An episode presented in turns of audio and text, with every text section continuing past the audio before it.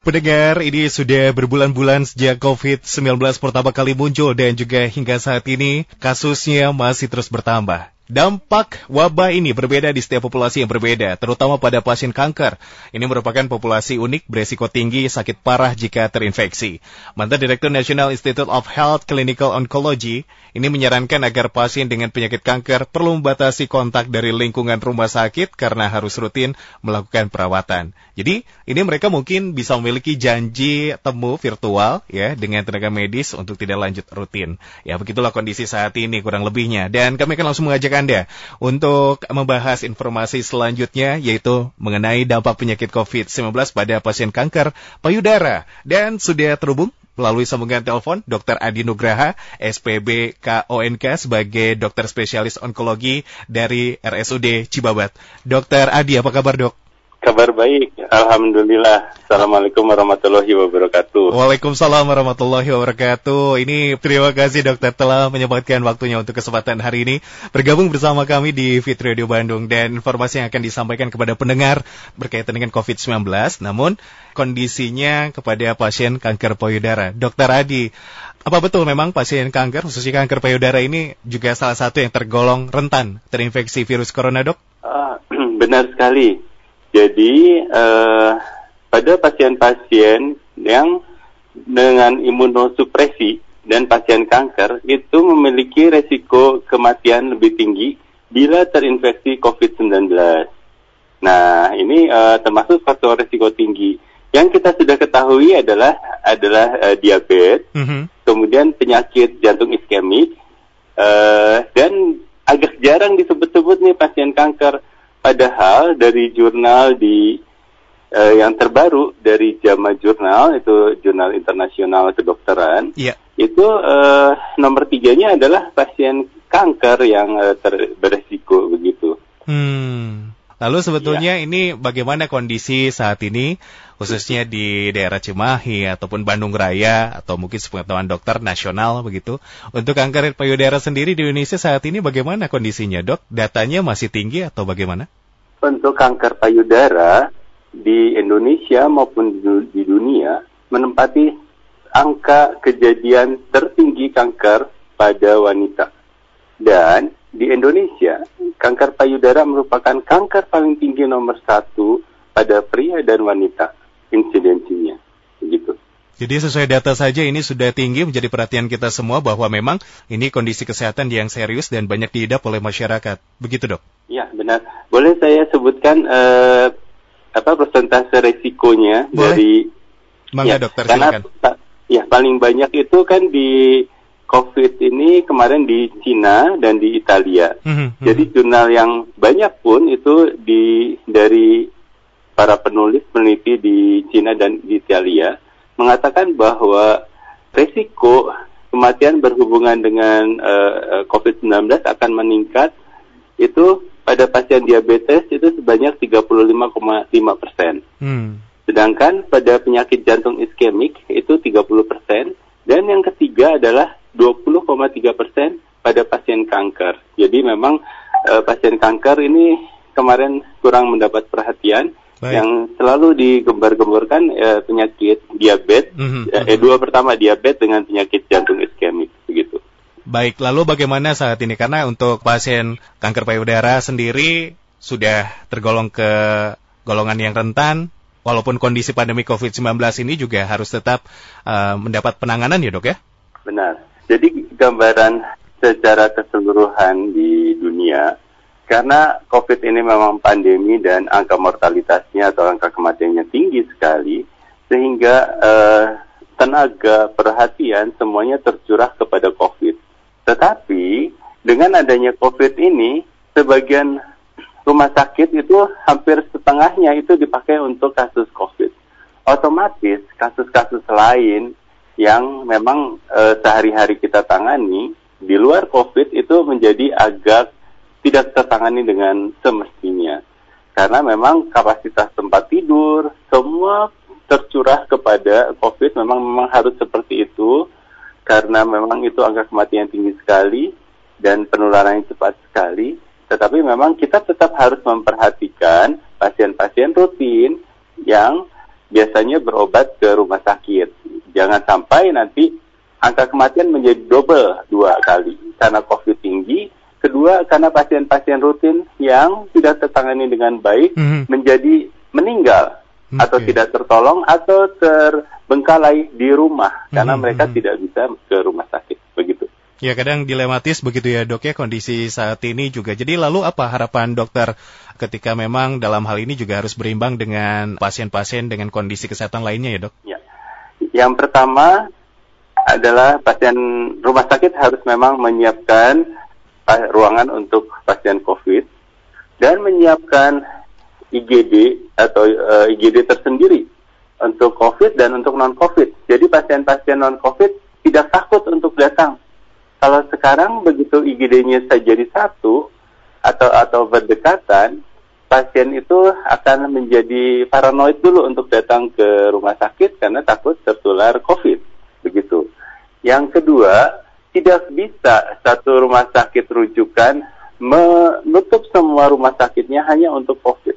Hmm. Berarti itu akan menelantarkan pasien-pasien yang lain. Itu sudah bertentangan dengan undang-undang kesehatan. Karena kita harus melayani semua masyarakat. Uh, jadi begini, yang dirawat oleh rumah sakit benar-benar harus selektif. Selektif. Ya. Okay. Yang dirawat di rumah sakit adalah pasien PDP yang bergejala sedang hmm. sampai berat. Hmm. hmm ya. Hmm. Untuk pasien ODP dengan gejala ringan itu bisa isolasi mandiri. Okay. Di rumahnya hmm. atau hmm. sekarang lebih baik diisolasi mandiri di suatu tempat. Hmm. misalnya di di asrama atlet di Senayan atau di gedung-gedung olahraga mm-hmm. atau di sekolah-sekolah atau mm-hmm. pusdik dari tentara atau polisi yang bisa digunakan. Okay. Di sana kita bisa pasang kamera CCTV, kita tenaga kesehatan bisa memantau dan melihat dari jauh kapan terjadi perburukan atau kapan terjadi uh, perbaikan. Kalau gejalanya akan sedikit memberat, itu kita langsung kirim kepada rumah sakit rujukan COVID ya. Jadi tidak ada sama sekali pasien tidak uh, yang misalnya ODP dengan gejala ringan dirawat itu akan mengurangi hak dari pasien yang lain.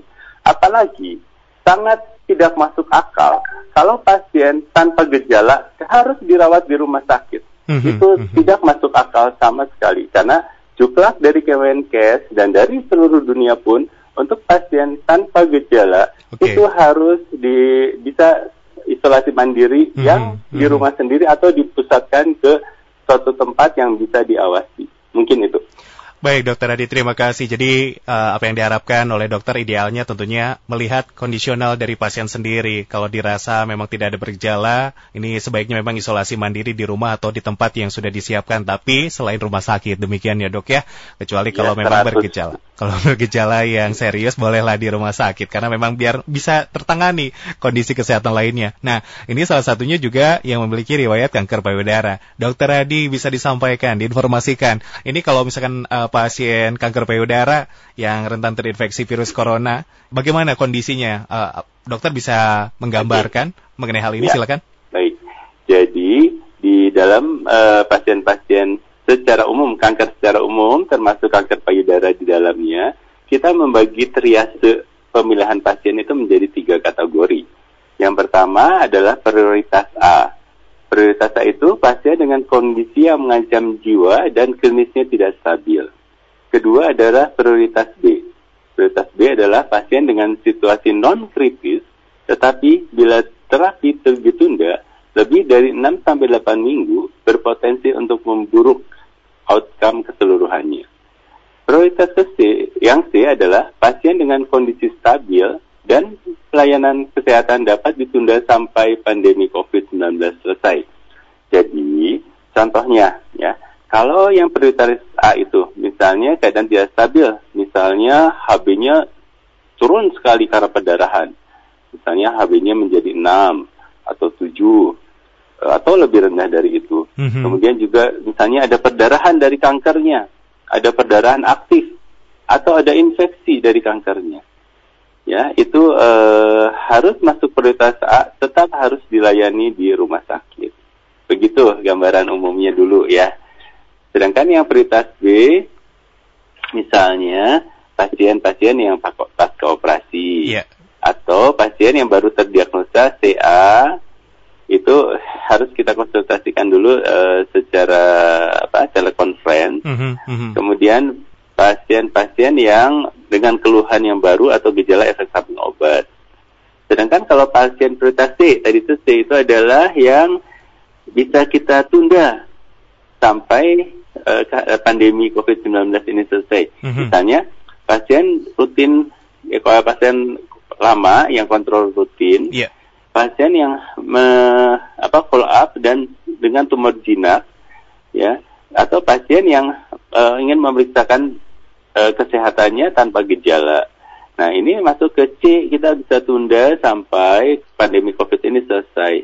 Untuk pasien yang rutin mengambil obat tiap bulan itu bisa hmm, minta tolong kepada anaknya atau keluarganya yang berusia muda, sehat fisiknya, mm-hmm. untuk mengambil obatnya ke rumah sakit. Dan alhamdulillah sekarang dari pihak asuransi kesehatan mm-hmm. BPJS yeah. itu uh, biasanya kalau ngambil obat setiap sebulan karena pasien minum obat sehari satu satu satu kali satu biasanya selama lima tahun. Biasanya setiap bulan harus ngambil obat. Ini e, diperbolehkan untuk ngambil obat e, dua bulan sekali.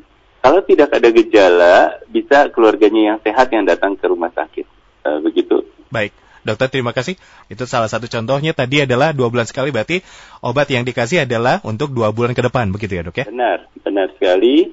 Dan pada waktu kontrol itu dicatat pasien mencatat uh, apa saja yang bisa di apa keluhannya disampaikan kepada yang mengambil obat. Mm-hmm. Kalau memang keluhannya ringan dan uh, bisa di apa sepertinya bisa diatasi di rumah. Tetapi kalau keluhannya berat itu memang harus datang ke rumah sakit. Baik, Dokter Adi, uh, selanjutnya ini bagaimana gambaran saat ini setelah kurang lebih mungkin hampir menginjak uh, dua atau mau ke tiga bulan pandemi COVID-19 ini untuk pasien riwayat kanker payudara sendiri, bagaimana kinerjanya?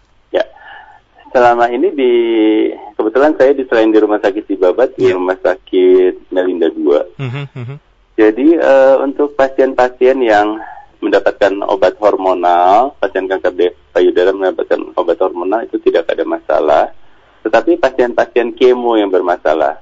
Hmm. Karena kita ketahui kanker sendiri imunosupresan terjadi penurunan sistem imun. Yeah. Apalagi kalau kita kemo. Pasien yang kita kemo biasanya leukositnya bisa turun. Dalam keadaan tidak pandemi saja mereka riskan. Betul. Seperti itu. Mm -hmm. Nah, tetapi bagaimana kalau pasien yang sedang menjalani kemo, kita akan lanjutkan kita akan tetap lanjutkan dengan memberi keamanan misalnya jalur yang sangat apa berbeda dengan jalur-jalur pasien yang uh, lain yang beresiko. Dan uh, tentunya kita akan bekali dengan apa nasihat untuk banyak makan yang bergizi, vitamin-vitamin seperti itu dan juga pemeriksaan rutin darah karena kalau misalnya kemo biasanya per tiga minggu, mm -hmm. itu uh, setiap minggu kita harus periksa darahnya. Kalau dia turun sedikit saja sel darah putihnya, itu berarti sangat rentan terhadap infeksi. Kita harus berikan terapi untuk meningkatkan jumlah sel darah putih. Seperti itu. Baik, ya. dokter yang perlu diketahui oleh pendengar adalah tentunya ini kenapa uh, menjadi perhatian, salah satunya untuk uh, pasien dengan riwayat kanker payudara dari data 20% kurang lebih ya dok ya penelitian yang dilakukan di ya. Wuhan ya. ataupun di Italia yang telah disampaikan oleh dokter. Dok, kalau misalkan kondisi yang tidak diinginkan terjadi, maksudnya hingga kematian begitu ya dok, ini sebetulnya apa yang terjadi pada pasien tersebut dengan riwayat kanker payudara dok? Apa yang diserang dok? Oke, okay.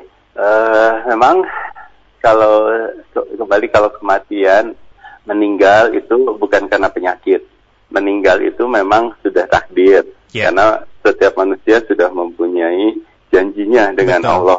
uh, kapan dia meninggal, di mana dia meninggal, dengan sebab apa dia meninggal, kita mm-hmm. tidak pernah tahu. Tetapi uh, dengan adanya penyakit ini, memang kita seperti diberi peringatan, okay. diberi peringatan untuk lebih mendekatkan diri kepada Allah, kemudian untuk beribadah lebih baik, mm -hmm. berikhtiar maksimal dengan segala ikhtiar yang sebaik-baiknya kemudian setelah berikhtiar maksimal berdoa, setelah berdoa adalah uh, tawakal. Karena usia tidak ditentukan oleh penyakitnya. Karena banyak sekali pasien-pasien yang udah berat, ternyata suaminya meninggal duluan, anaknya meninggal duluan. Jadi itu memang suatu bukti lagi bahwa kanker, penyakit itu bukan penyebab kematian, tapi penyebab kematian itu memang sudah takdir dari Allah. Penyakit itu adalah ujian yang harus dihadapi. Baik, Dokter Adi, terima kasih tanggapannya dan selanjutnya juga tentunya mengingatkan kembali kepada pendengar ini uh, mengenai kanker payudara yang juga tentunya sebetulnya kanker payudara ini bagaimana dok dan uh, gejala khas di awal ini yang bisa dikenali oleh pendengar ini juga bagaimana? Jadi kanker payudara gejala awalnya adalah benjolan, benjolan yang tidak normal di payudara. Dan uh, dari semua benjolan yang ada di payudara yang tidak normal, itu hanya 20% yang merupakan kanker. Jadi 80% kalau ada benjolan jangan takut dulu karena kemungkinan besarnya adalah bukan kanker. Tetapi masyarakat kita kadang-kadang uh, karena karena namanya penyakit, jadi mm -hmm, ada kata -hmm. sakit. Jadi uh, biasanya kalau tidak sakit itu bukan penyakit tidak datang ke berobat. yeah, Padahal yeah. sebagian besar kanker payudara awalnya keluhannya uh, awal gejalanya adalah benjolan dan kebanyakan tidak nyeri. Hmm. Kebanyakan tidak nyeri. Sehingga di Indonesia memang uh, banyak yang datang di stadium 3 dan 4 itu uh, dalam jumlah sekitar 60 50 60 persenan. Berbeda dengan di negara maju mereka datang dalam keadaan stadium dini. Nah, ini berimplikasi kepada outcome. Kalau datang pada stadium dini, itu kemungkinan kesembuhannya jauh, jauh, jauh lebih tinggi. Dan penanganannya menjadi jauh lebih ringan, lebih mudah, dan komplikasinya pun lebih sedikit. Sedangkan kalau datang sudah bengkak, sudah borok, sudah bernanah, sudah berdarah-darah, Apalagi sudah ada metastasis, misalnya sesak, ya, ada batuk, ada kelumpuhan. Sering sekali sekarang pasien datang sudah lumpuh, itu sudah menyebar ke tulang belakang atau ke otak, hmm. sudah kejang-kejang. Itu memang uh, harapan kesembuhannya menjadi lebih kecil, kecil ya? sekali. Hmm. Memang ke, uh, mujizat Allah itu memang bisa saja, apa pun bisa atau kalau Allah mengizinkan tetapi memang secara medis kalau sudah menyebar jauh, terutama ke organ-organ vital dan uh, diffuse atau menyebar luas, itu agak sulit untuk menjadi uh, sembuh seperti itu. Baik dokter, ya pendengar demikianlah juga tentunya telah disampaikan oleh dokter Adi bagaimana kita mengenal gejala ya. Jangan sampai juga tentunya unik memang kalau untuk kanker payudara ini uh, ada ya uh, benjolan tapi tidak terasa sakit itu juga yang harus diperhatikan begitu ya untuk secara dini bisa diperiksakan ya dok? Iya benar sekali. Pemeriksaannya juga uh, sebenarnya mudah. Hmm, bagaimana dok? Yaitu namanya sadari. Sadari. Sadari itu adalah periksa payudara sendiri. Hmm, hmm. Nah, Gimana, kapan dok? periksa sadari? Periksa sadari itu sebenarnya dilakukan semua wanita sejak dia menstruasi pertama. Jadi misalnya sejak anak-anak uh, pertama menstruasi anak wanita kita mm-hmm, itu uh, harusnya sudah diajari untuk sadari, ya sehingga kalau setiap bulan diperiksa sadari, setiap bulan itu biasanya satu minggu setelah menstruasi periksa sadari. Setiap kali dari waktu ke waktu, dari bulan ke bulan, dia akan mengenali dirinya sendiri. Sehingga kalau ada benjolan kecil, dia akan paham. Oh, ini bulan-bulan yang lalu nggak ada, tapi sekarang kok aneh jadi ada. Nah, kalau e, seperti itu, kalau ragu boleh tunggu satu siklus menstruasi. Kalau setelah menstruasi e, atau e, kemudian menjadi hilang, biasanya itu pembengkakan karena hormonal. Tetapi kalau bulan berikutnya masih ada, itu harus berobat ke dokter. Karena itu ada kemungkinan suatu tumor Ya, tumor itu ada dua nanti, ada tumor jinak, ada tumor ganas. Tumor jinak bisa membesar tapi tidak bisa menyebar ke seluruh organ tubuh yang lain, tidak bisa masuk ke darah menyebar ke tempat lain. Tetapi tumor ganas selain dia membesar dan mempunyai kaki-kaki namanya cancer. Jadi cancer itu kepiting. Seperti kepiting dia mencapit ke jaringan sekitarnya itu dan bisa masuk ke pembuluh darah dan bisa tumbuh di organ vital yang lain seperti otak, ginjal, ja, uh, hati, paru-paru, uh, tulang, sumsum -sum tulang, uh, seperti itu. Dan biasanya uh, morbiditas, morbiditas atau um, apa angka kesakitannya itu bukan dari payudaranya sendiri, tetapi dari penyebarannya. Seperti tadi uh, lumpuh, lumpuh itu bisa karena penyebaran ke tulang belakang, mm -hmm. tulangnya menjadi keropos, sarafnya terjepit. Lumpuh tidak bisa kencing, BAB-nya uh, sulit. Atau juga penyebaran ke otak dengan gejala kejang-kejang, kelumpuhan, kemudian penglihatannya menjadi kabur, seperti itu uh, gambaran umumnya. Baik, Dokter Adi terima kasih. Dan Dokter Adi karena keterbatasan waktu, tentunya selanjutnya berkenan untuk menyampaikan closing statement. Silakan dok. Oke, okay. di zaman COVID ini, kalau saya katakan ini adalah seperti perang, ya perang atau seperti kiamat kecil ya.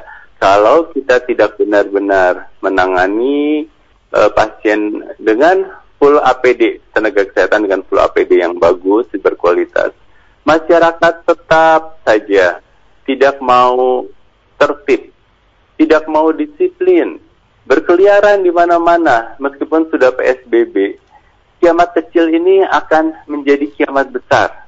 Kalau pada saat mau nanti pulang kampung, pada saat mudik, semua mudik, ya.